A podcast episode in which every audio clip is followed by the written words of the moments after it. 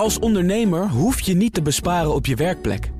Want IKEA voor Business Netwerk biedt korting op verschillende IKEA-producten. Word gratis lid en laat je werkplek voor je werken. IKEA, een wereld aan ideeën. Ondernemerspanel. Winkelketens willen werknemers de niet gewerkte uren door corona onbetaald laten inhalen. En nooit meer telefoontjes van bedrijven die iets willen verkopen. Het Belmaniet-register wordt ingevuld voor een nieuw systeem. Dat en meer bespreek ik in het ondernemerspanel. Daar zit Marlies Moor, ondernemer, communicatie-expert in de retail. En ook directeur van de organisatie, de Schildklierorganisatie Nederland. En Leen Zevenberg, oprichter van B Corp Europe, partner bij Bain Management Consulting. En Walnoot de Boer vanuit Frankrijk. Ook vandaag weer. Leen, goedemiddag. Goedemiddag Thomas, vanuit Frankrijk inderdaad. Helene, gezellig. Hi, hallo. Hi. Wat is, uh, wat is uh, jouw nieuws uh, van de week dat je met ons wilt delen, Leen? Um, mijn nieuws van de week is dat ik eigenlijk toch wel een beetje gechoqueerd was van het bericht waarin door de, nou, de informateur of de formateur gezegd werd dat het goede nieuws werd gebracht dat in, op half augustus de formatie van een nieuw kabinet gaat starten. En toen dacht ik, dat is toch fantastisch. Dan hebben ze nog twee maanden de tijd om lekker niks te doen. En gewoon lekker uit te rusten, lang op vakantie te gaan. Ja, je begrijpt al dat mijn ondertoon hier een beetje een cynische is. Want ik denk bij mezelf van, dat zal je toch eigenlijk in een bedrijf nou nooit zien. Iets wat belangrijk is, gaan we dan uitstellen. Nog met twee maanden tijd. Ik zou zeggen, ga niet op vakantie. Zorg dat er, als de wiede weer gaat, een nieuw kabinet komt. En daarna ga je met een fijn gevoel op vakantie. Zo zou ik het doen. Dus ik was eigenlijk gechoqueerd door dat bericht. Misschien gaat het economisch wel zo goed. Alle verwachtingen worden naar boven bijgesteld. dat de echte urgentie om heel snel knopen door te hakken. enigszins verdwenen lijkt. Nou ja, er blijkt in ieder geval geen, Thomas, geen enkele urgentie uit, uh, uit die mededeling. Hè. Er is natuurlijk een, uh, een lang zomerreces wat er aan gaat komen. En uh, ongetwijfeld is iedereen moe. Uh, dus ja, de urgentie is niet, uh, is niet aanwezig. Nee. Marlies, jouw nieuws. Ja, um, er viel mij een artikel op in de, het FD vandaag. En dat gaat over Deliveroo, over de couriers, de fietscouriers. En ik was eigenlijk wel verbaasd om te lezen dat in, in Londen uh, de rechtbank heeft gezegd dat er inderdaad een, uh, dat ze wel zelfstandig zijn. Hè. Dat is een hele discussie in Nederland geweest, 2019 rechtszaak, 2021. Amsterdam heel duidelijk. Uh, nee, er is een arbeidsovereenkomst met je fietscouriers. En in Londen zeggen ze nu uh, wel nee, ze zijn gewoon zelfstandig. En dat heeft een enorme effect op de, überhaupt het bestaan van Deliveroo. Want dat is eigenlijk hun grootste item. En hoe, hoe komt het dat de rechter in Londen tot een ander vonnis komt? Ja, dat, dat vraag ik mij af. Ik vind het heel Ik weet wel apart. dat er in, in, uh, in het VK volgens mij ook nog weer een andere status is. Tussen zelfstandigheid en uh, een vast dienstverband heb je ook nog de status van de workers. Het zit er een beetje tussenin. Maar hier is het oordeel dus werkelijk, ze zijn zelfstandig. Ze zijn echt zelfstandig. En daarmee leg je natuurlijk enorm risico bij die, bij die fietscouriers. Die uiteindelijk bepalen of Deliveroo wel of niet uh, geslaagd is. En als je kijkt naar die beursgang, hè, ze zijn in Engeland naar de beurs gegaan. Uh, ging het al niet zo heel lekker. En ze kregen nu even 8% erbij. Maar ja, ik heb zoiets van nou, uh, Amsterdam strikes back. Want het is niet correct wat hier gebeurt. We gaan naar een ander vraagstuk dat te maken heeft met wat er nu wel of niet correct is. Werknemers van de Vibra moeten deze zomer onbetaald uren inhalen die ze tijdens de lockdown niet konden maken. Vakbond FNW is een rechtszaak begonnen. Uh, allereerste vraag aan jou uh, om, om daarmee te beginnen, Marlies. Is het terecht dat FNV hier een punt van maakt? Ja, vind ik wel. Ik sta normaal aan de andere kant. Maar ik vind het in dit geval toch wel een lastig verhaal. Um, Vibra is natuurlijk een, een, organisatie met al niet zo'n hele fijne CAO voor zijn werknemers. Het zijn mensen die bepaald niet de hoofdprijs verdienen. Um, ik weet niet de achtergrond, wat er toen is gebeurd. Kijk, er waren een aantal formules in Nederland waar werkgevers zeiden: oké, je kunt je normale werk niet uitvoeren, maar we bieden alternatieve denken aan. Blokker die zijn pakjes liet door uh, rondbrengen door zijn eigen mensen. Ik weet helemaal niet wat daar is gebeurd. Um, maar dit zijn mensen die hebben al die tijd thuis gezeten. Uh, de bazen hebben van de NOW-regeling gebruik gemaakt, dus het grootste gedeelte van die kosten is afgedekt. Nu gaan we weer aan het werk en nu zeggen we tegen meneer en mevrouw die normaal in die winkel staat: van een aantal uren gaan wij niet vergoeden. Die heeft u al gehad, dus die ga je nu gratis werken. Maar die mensen hebben toch ook een bepaalde levensstandaard, zijn ingesteld op een normale manier van doen. En die hebben dat denk ik niet verwacht. Daarom kan ik me best wel voorstellen dat de FNV nu zegt van nou, Vibra, je gaat te ver. En, en er komt nog bij, ik heb even op de vacaturesite gekeken van Vibra. En die, uh, hun merkwaarde is bijvoorbeeld: uh, Vibra staat voor transparant en integer personeelsbeleid.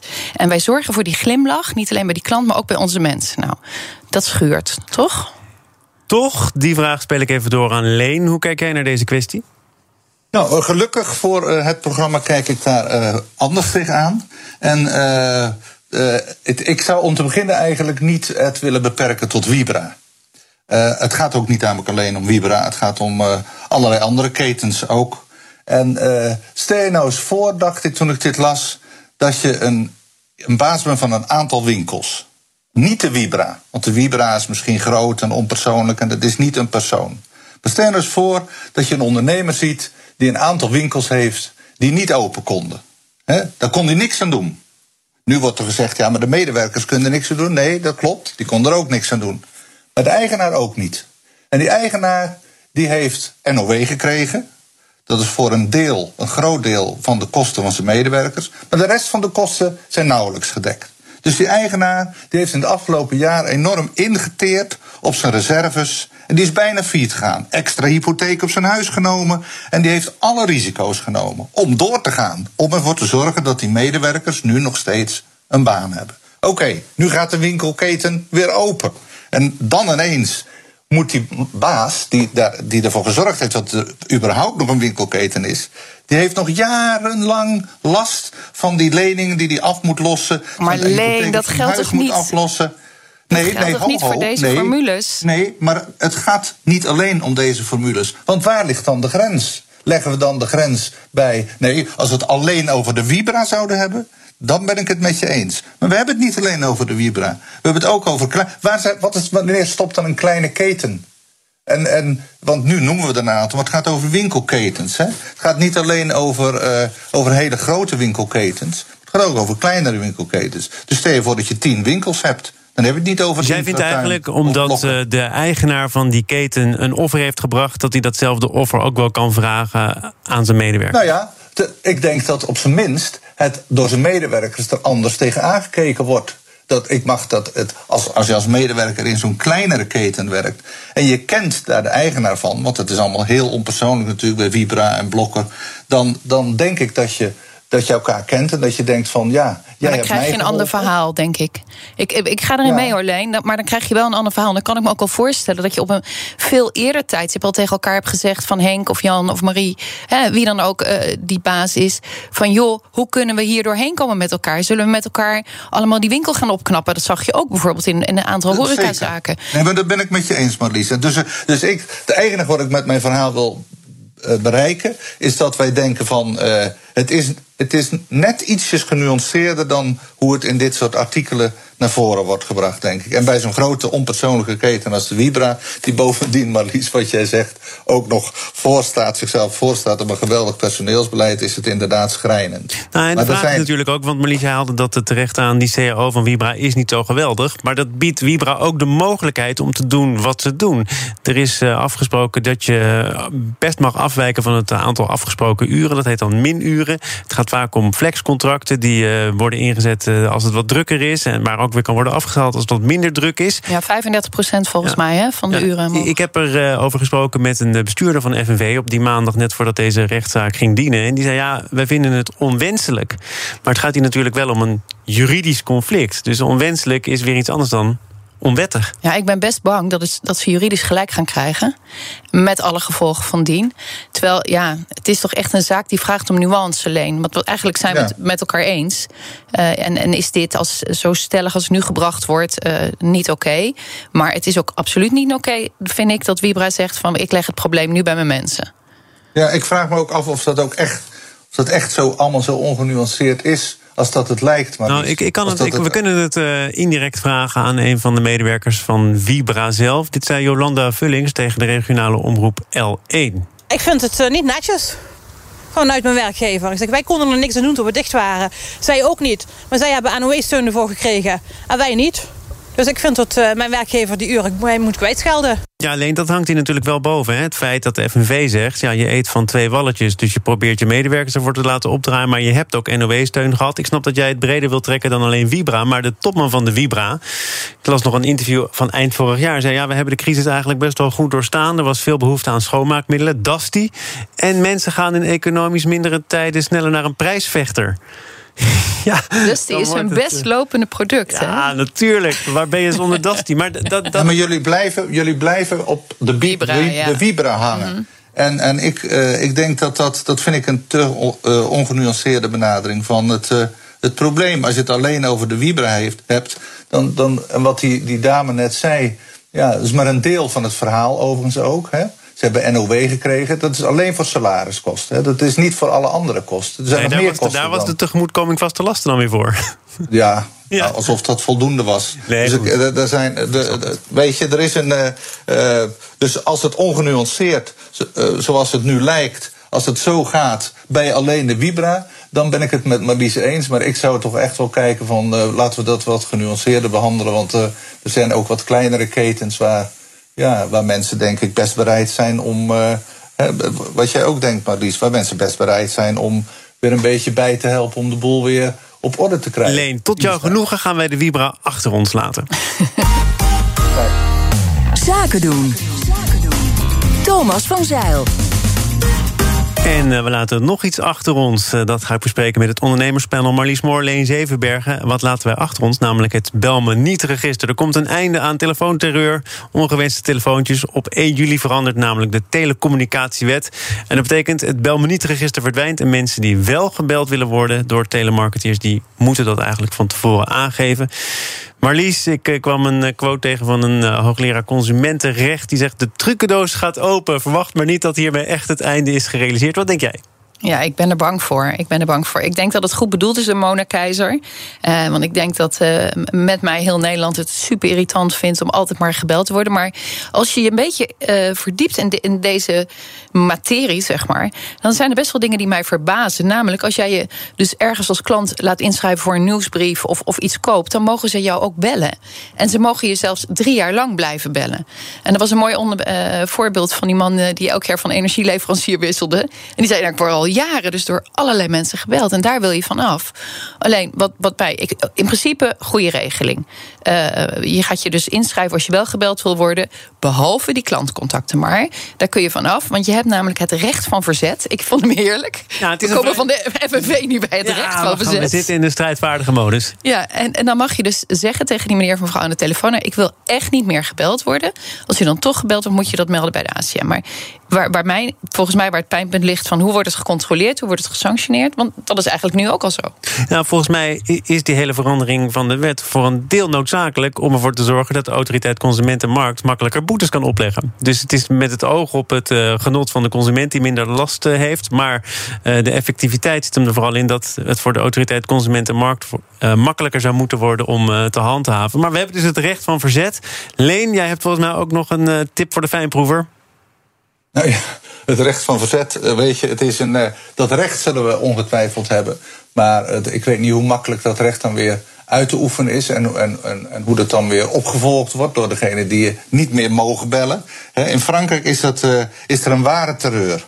En ik denk, wij worden bijna elke dag, tussen de middag, altijd dezelfde tijd, zeker vier, vijf keer gebeld. Dan elke dag.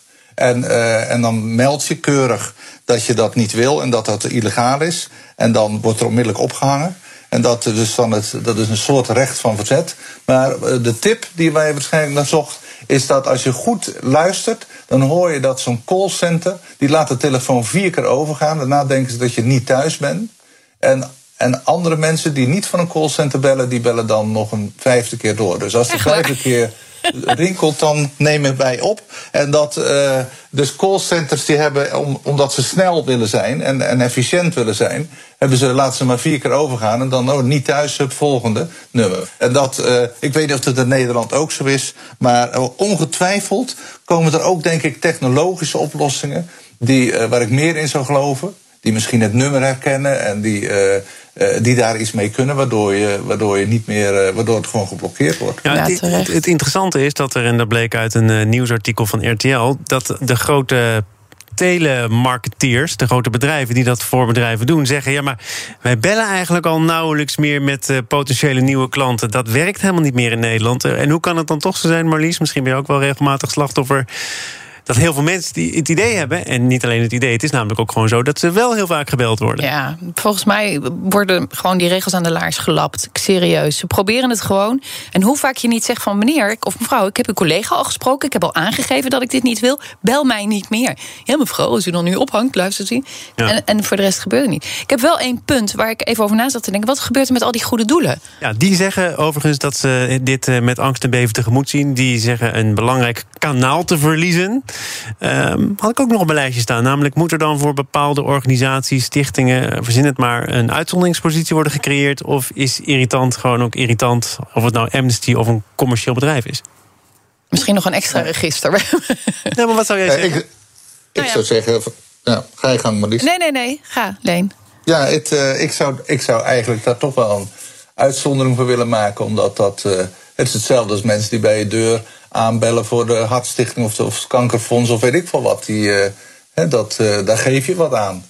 En uh, of je stuurt ze vriendelijk weg. Maar ik denk dat, dat we dat niet van ze moeten afnemen. Want dan, nee, nee, meneer, dan kan je ook wel zeggen, je mag via ook de niet... Giro, dank u wel. Ja, precies. Ja, ja dat is ook een goed antwoord, ja, Thomas. Dan gaan ze ook weg. Marlies, wat zou jij zeggen om, om dit probleem misschien te kunnen ondervangen? Ja, ik vind het wel belangrijk. Goede doelen, uh, ja, het ligt me na aan mijn hart. Um, en, en, en ik vind het wel heel belangrijk dat zij dan toch een bepaalde collance krijgen bij, bij hantering van deze maatregel. Ik weet niet of um, mevrouw Keizer hierover nagedacht heeft. Misschien iets voor haar uh, opvolger in een, uh, mocht het komen, alleen eventueel volgend kabinet. Dan uh, gaan we het tot slot hebben over Molly. Dat mag je toch wel het ondernemersverhaal van deze week noemen. Betaaldienst krijgt een kapitaalinjectie van 665 miljoen. Um, verwerven daarmee een kleine 10% van de aandelen, meen ik. Dat betekent dat het bedrijf nu 5,4 miljard euro waard is. Ik sprak eerder met de CCO van Molly, Ken Serdont, afgelopen dinsdag. Ja, die was niet eens echt verbaasd dankzij ook uh, de beperkingen die corona met zich heeft meegebracht, is er enorm veel vraag naar e-commerce. En ik denk dat daar ook um, investeerders op zoek zijn naar goede bedrijven binnen die, binnen die space. En Molly is natuurlijk een, een bedrijf dat heel hard gegroeid is de afgelopen paar jaar. We hebben een enorm schaalbaar platform. Onze producten zijn echt uh, super uh, technisch onderbouwd.